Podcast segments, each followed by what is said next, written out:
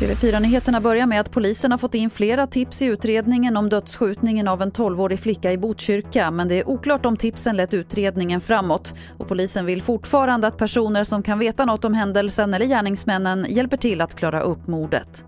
Så till Libanon och det senaste om explosionen i Beirut och 135 människor dog och runt 5 000 skadades.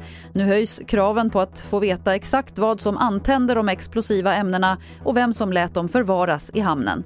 Jonas Källgren är utrikeskommentator på TV4 Nyheterna.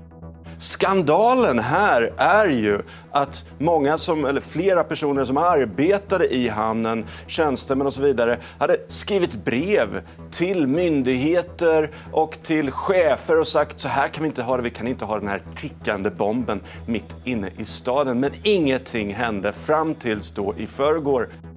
Och ett längre inslag om det här finns på tv4play.se. Och till sist kan vi berätta att Naturvårdsverket har skickat ut felaktiga jaktkort till landets jägare.